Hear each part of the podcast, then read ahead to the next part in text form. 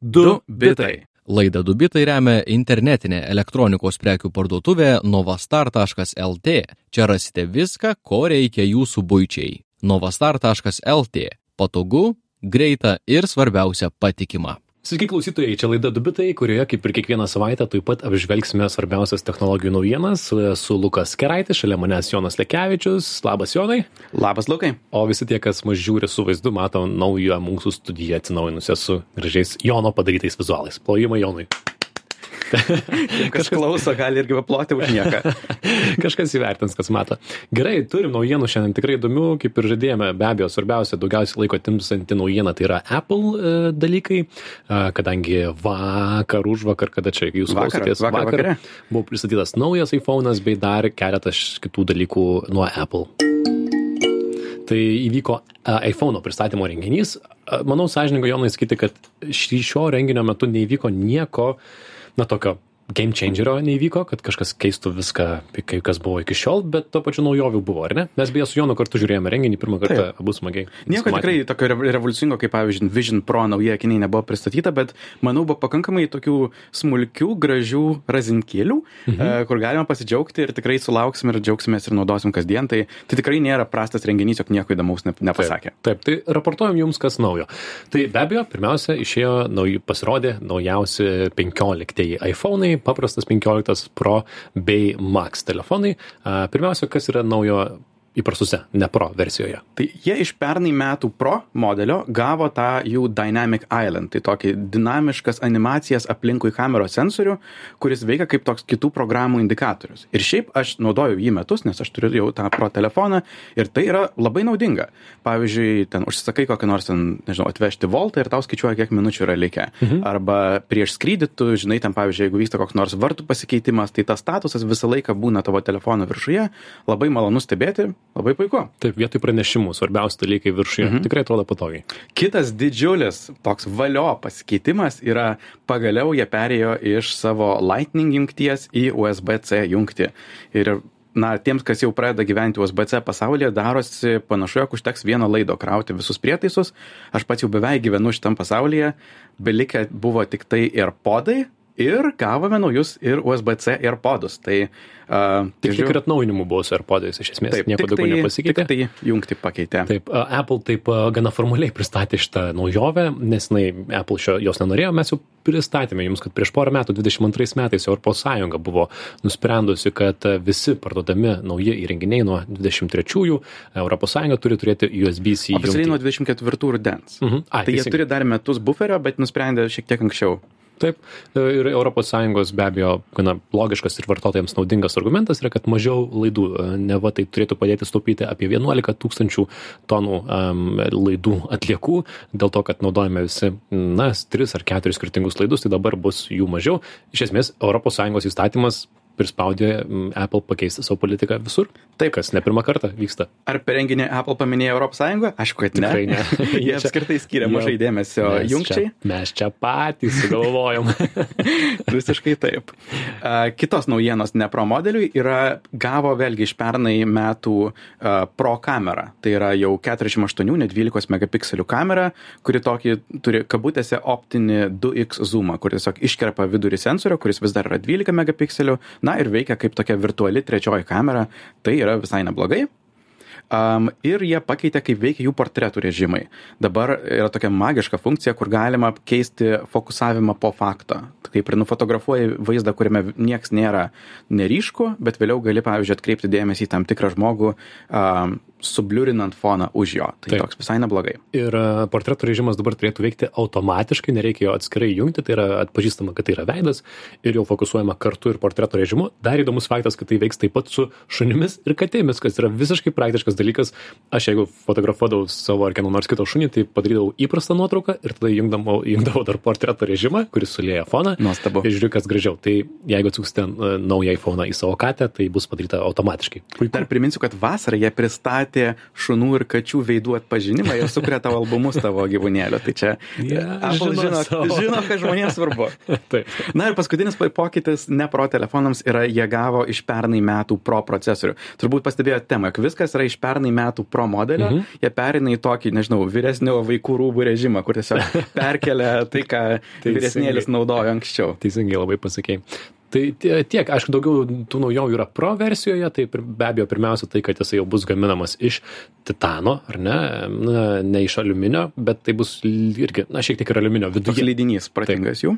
Ir jie sako, kad tai, na, titanas be abejo yra tvirtas, tvirtas metalas a, ir šitas telefonas bus lengvesnis, nors lengvesnis net tiek ir daug - 20-19 gramų. Taip, arba 8 procentais. Tai aš manau, kad 8 procentai yra pajaučiama, mhm. bet tai aišku nėra kardinaliai nauja kategorija, kur e, smarkiai lengvesnis. Bet to pačiu tas titanas, bent jau kaip jie reklamuoja, jis turės tam tikrą tekstūrą, kuri visai atrodė intriguojančiai. Ten pasakojo, kaip ilgai jį gamina, ten keliolika valandų turi išlifuoti ir panašiai. La, la, la. Bet uh, į, į ranką paimti yra smalsu, bet iš esmės kažko ten labai stipriai tikriausiai nekeičia. Tikrai taip. Kita naujiena Pro telefone yra jų naujos kartos, jau A17 Pro procesorius. Pirmą kartą iš karto išleidžia su Pro vardu. E, įdomiausia yra, jog jis yra 3 nanometrų. Tai yra apskritai pirmas, kiek žinau, procesorius išleidžiamas a, tokiu mikroskopiniu dydžiu. Čia lik 12 atomų atrodo Taip, dydis. Čia taip. ne, neįtikėtinai sunku suvokti, a, jog mes jau tokiam visiškai atominiam lygiai dirbame. Na, a, didžiausias pokytis su šitu, a, taip sakant, tuo naudo pakeitimu į mažesnius a, tranzistorius yra tai, jog tau reikia mažiau elektros energijos tą patį pasiekti ir tas pasireiškia per baterijos veikimą. Dabar jie gali girtis net 29 valandom video grojimo Pro Max modelyje. Čia toks wow. Mhm. Um, na ir Apple pabrėžia, kaip bus smagu žaisti žaidimus, aš patikėsiu, pamaty, patikėsiu kaip pamatysiu, jog iš tiesų žmonės žaidžia konsolės žaidimus telefonuose. Taip, jie žadėjo, kad Resident Evil bus galima žaisti telefone, taip tą pačią konsolės versiją, netgi nesupaprastinta, kas mes su Jonu, kai žiūrėjom, tai taip nustebom ir man atrodo, abu ne iki galo patikėjom, kaip ir nepatikėjom, kad turi septynias kameras, iPhone'as, nors matai tris, bet jie taip sako. Taip, e, jie ten taip priskaičiavo, iš iš trijų padarė septynes, bet aišku, įdomiausias dalykas yra pamodifikuota ta tele, e, teleobjektyvas, dabar jis perėjo iš 3x į 5x zoomą arba 120 mm analogą ir šiaip man ne visai sudomino, kaip jie rimtai žiūri į pro kamerą, kaip skirta tikrai profesionalams. Jie pabrėžė ak- Oskarų akademijos spalvų formatą, lyg tai būtų kino industrijos kažkoks dalykas, pabrėžia, kaip tai veikia su fotosesijomis ir profesionaliom nuotraukų gavimo programomis. Ir aišku, iš pernai metų yra pro failų formatai. Tai toks, na, ėjimas į industriją. Aš nežinau, ar kas filmuos iš tiesų filmus su iPhone'ais, bet jie nori apie tai svajoti. Įdomu, bet aš manau, kad ne vienas žiūrėjęs pristatymą, kas dirba tokia, na, pusiau profesionaliame filmavime, susimastė, kad šitą ši- kelius procesus galiu pakeisti ir užteks iPhone studijoje filmuoti ir panašiai, nes tie formatai tikrai aktualūs industrijai, bet ne galbūt neįliniam žmonėm. Na, o mane labiausiai, man labiausiai patikęs uh, atnaujinimas, aš manau, kad bus žmonių, kurie net pasipiktins jo, bet man atrodo genialus dalykas yra tai, ką jie vadina action button.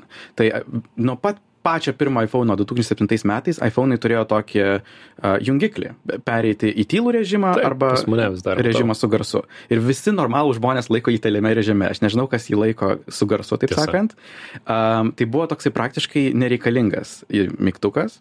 Ir jie dabar jį padarė reikalingu. Uh, gali pasikeisti jo funkciją, į kokią tik nori. Gali jungti kamerą, gali jungti prožektorių, uh, gali net bet kokią programėlę susiprogramuoti ir pa- pasileisti su tuo. Mhm. Tai aš, uh, čia būtų iš esmės beveik vienintelė priežastis, dėl ko aš galvočiau pirkti telefoną, bet neužtenka. Nu, Tu mėgsti gal tos trumpesnius kelius. Ma- Man tai gaila, kad to mute mygtuko nebeliks, patogu jį kartais perinkti ir, na, a- a- galbūt tas action button, a- a- tas veiksmo mygtukas, jeigu jis turės kelias funkcijas, pavyzdžiui, paspaudus du kartus galima įjungti kitokį, e, kitokią funkciją, tada sakyčiau, kad viskas jėga. Bet jeigu tik vieną mygtuką paspaudus, tik vieną gauni praėjimą, na tai Iš to, ką mačiau, dėja tik vienas. Aš nesusižavėjęs tada esu. tai va. ką. Bet tiek apie naujausius iPhone'us, e, dar šiek tiek e, pristatė be abejo ir apie laikrodžius. E, Tai yra devintos seri- serijos Apple Watch'ai, jie pasirodys dabar greitų metu. Taip, jokių naujų kažkokių sveikatos sensorių nepridėjo, bet jie sugebėjo ištraukti naują funkciją iš esamų sensorių. Sujungė akcelerometrą, giroskopą, kraujo net tikėjimo matymą ir padarė tokį magišką, kai vadina double tap, arba su tapsėjimą pirštukais. Um, atrodo daugmaž taip, tu kaip ir tą savo nykštį ir smilių taip du kart e, suklikini ore ir tai veikia kaip e, kažkoks veiksmas. Pavyzdžiui, Mhm. jeigu tau skambina, atsiliepti, jeigu vyksta alarmas, sustabdyti alarmą ir toks kontekstualus būdas kažką padaryti laikrodyje, jo neliečiant. Iki šiol mes turbūt su nosimi jį tapšnodavom ar kažką Taip, taip, panašaus. būtent. Čia, čia be maž pati labiausiai suintrigavusi funkcija per visą pristatymą. Tai yra, kad aš esu buvęs toje situacijoje, kai nešu dėžę ir man skambina ir matau per laikrodį, kad man skambina, bet nėra rankų atsiliepti ir galiu su dviem pirštais tada, na, taptilti tos du pirštus taip. ir, ir atsilieps, atsilieps ir tikriausiai tai veiks. Beje, žiemą, kai su pirštinėmis, taip pat neina atsiliepti ir kaip tu sakai. O, Taip, juk, mes- juk mes tą nosį tikrai naudojame. Čia toks, na, liaudės išmintis, bet su nosimi tikrai atidarnėjame, atrakiname telefonus ir panašiai. Tai puiku, šiaip tai įdomu, jeigu tai veiks ateityje, jeigu atsiras daugiau būdų jutimiškai valdyti aplinką, aš tai labai, už- labai įdomu. Nors ir smulkmena, bet vis tiek. Taip, kita didesnė naujiena yra po pagaliau po trijų sk- skirtingų laikrodžių, kurie naudoja tą patį procesorių, jie paapgreidino į naują versiją S9 procesorių. Su juo didžiausias pakeitimas yra tai, kas mane labai užknisdavo. Tai yra, jog Siri iki šiol veikdavo kreipdamasi į telefoną ir buvo labai lėta, kai tu laikrodėje kažko paprašydavai, da, kartais net iš viso nesuveikdavo, o dabar e, Siri veiks tiesiai laikrodėje, lokaliai ir uh, turėtų veikti žymiai greičiau. Tai čia gali būti net ta priežastis, dėl ko aš galvosiu pasikeisti laikrodį. Taip, ir dar taip pat bus funkcija rasti laikrodį, rasti telefoną namuose per laikrodį. Dabar galima paleisti garsą ir girdi, kuriuose kambaryje skamba. Ir šiuo atveju tai bus kažkaip paprasčiau, ar ne? Bus galima rasti net na, tik tau parodys, kur ieškoti, kad pasakys, kad tavo kišenėje yra telefonas. Kažkaip. Taip, kažkaip taip, taip. Jis turi tą vadinamą ultra wideband sensorių, kuris mm. jaučia objektų vietą centimetrų tikslumu ir tau gali padėti pasakyti, net rasti, jeigu ten laikrodis, šitas telefonas yra kažkur sofoje paskendęs tarp pagalvių. Taip. Verta paminėti, kad jie taip pat ir telefonuose rodė tą funkciją, ar ne, tame filmuke su turgumi, kur bus funkcija prie Find My, kai nerandi draugo festivalyje, turguje ar dar kažkur, jisai pasidalina tavo lokaciją ir ekrane atsiranda rodiklė, kuri tave na 30 metrų atstumu tau rodo į kairę, į dešinę ir gali nueiti prie savo draugo, kurio negali atrasti, nes jisai sako, aš prie medžio, aš prie namo. ir sakai, aš irgi prie namo, bet bus galima jį rasti lengviau, kas intriguoja taip pat.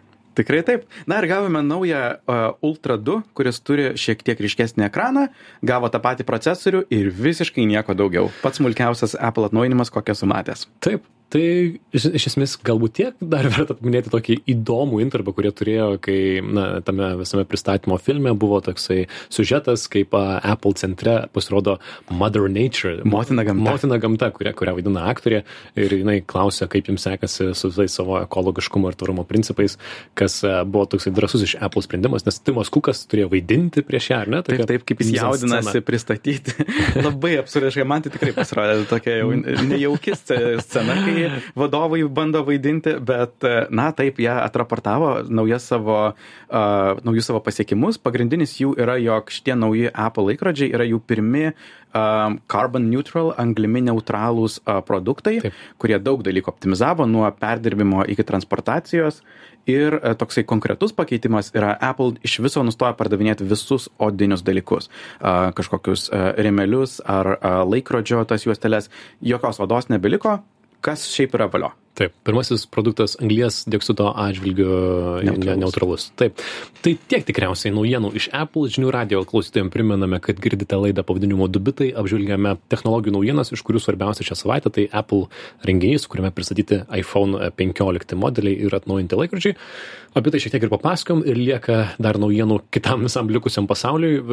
Labai, man atrodo, netikėta mūsų laidai, laidai tema, bet jauni tėvai galbūt galės pajausti, apie ką mes kalbam, tai yra uh, papasakokime apie naujienas Robloxe.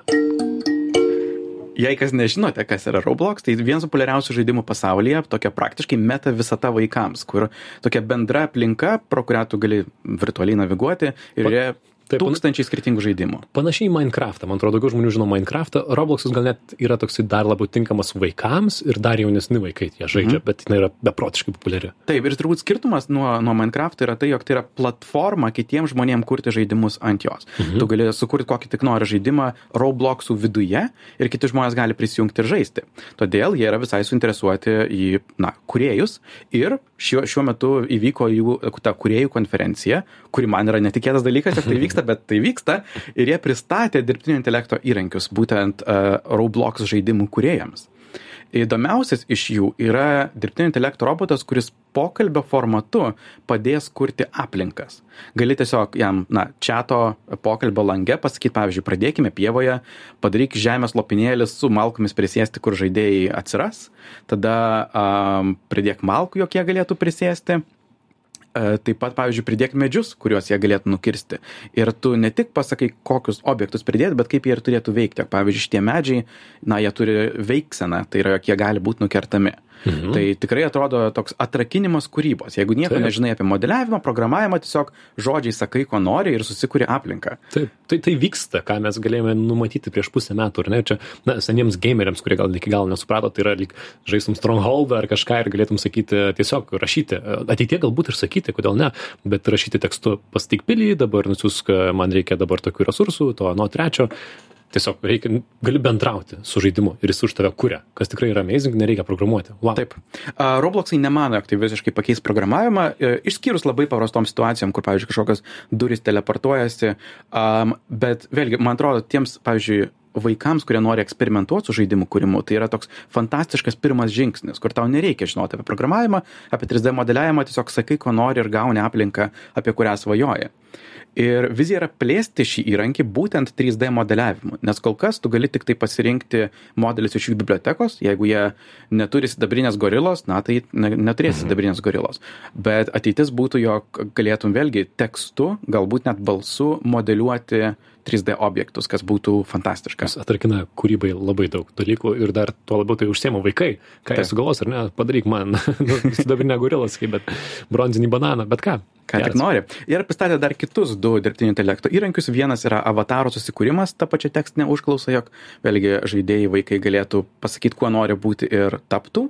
O kitas, man atrodo, pats protingiausias panaudojimas yra automatinis moderavimas. Atpažinti, kai yra kažkoks toksiškas elgesys arba įžeidinėjimas ir automatiškai pritaikyti moderavimo taisyklės. Kol kas tik anglų kalba, bet manau, čia yra toks pats praktiškiausias dirbtinio intelekto pritaikymas dirbtinėje erdvėje. Mhm. Vis mažiau vietų, kur nėra dirbtinio intelekto pokalbių robotų, ar ne? Vis mažiau funkcijų, kurių negalėtų rašyti, nedaryti tiesiog rašydamas tekstą.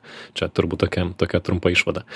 Uh, taip, uh, sekundėlę atsikvėpim, kiek mes čia visko pri, pripasakojom, bet dar viena tokia, ne tokia linksma naujiena, galbūt apie Eloną, Eloną Muską. Na, čia labiau galbūt istorija, bet man atrodo, tai iliustruoja, kodėl Elonas Muskas ne tik yra kontroversiška asmenybė, bet tuo pačiu ir nelabai mėgstama ir vis, maž, vis labiau girdžiu, kaip yra nemėgstama, tai pamėginsiu paaiškinti su šią istoriją. Greitų metų turėtų pasirodyti Volterio Izaksono biografinė knyga apie Eloną Muską, taip ir vadinasi, Elonas Muskas. Ir CNN nesnei citavo ištrauką, kurioje aprašoma, kaip ginkluoti Ukrainos povandeniniai dronai artėja prie Rusijos laivyno netoli Krymo pakrantės, bet tuomet prarado ryšį ir nekenksmingai išplaukė į krantą.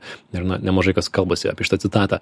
Tai biografijoje teigiama, kad Muskas įsakė Starlink inžinieriams išjungti paslaugą tame atakos rajone, nes baiminosi, kad Ukrainos ataka prieš Rusijos okupuotą Krymą, į ją Putinas atsakys brandoliniu ginklu. Ir taip galbūt žinote, Ukraina naudoja Starlink palidoninį ryšį savo komunikacijos ir ginkluotėje ir nekartą Maskvas grasino atsit- atsitraukti ir neleisti naudoti šios technologijos Ukrainos pajėgoms. Tai šita visa istorija yra na, prieš metus įvykusi, praeitų metų spalį kažkur tuo metu. Jei kažkam įdomu, labai įdomi New Yorkerio istorija yra apie visą šitą politinę um, pusę šitos, šitos istorijos. Bet na, nemažai tokių, nei, manau, kad Lietuvoje Ukrain, Maskui nepridedančio blizgesio istorijų pasirodė pastaruoju metu. Tai yra, kad Europos komisijos tyrime nustatyta, kad Maskui priklausantis Twitteris atliko svarbų vaidmenį skleidžiant Rusijos propagandą apie karą Ukrainoje. Tai toksai oficialios e, išvados.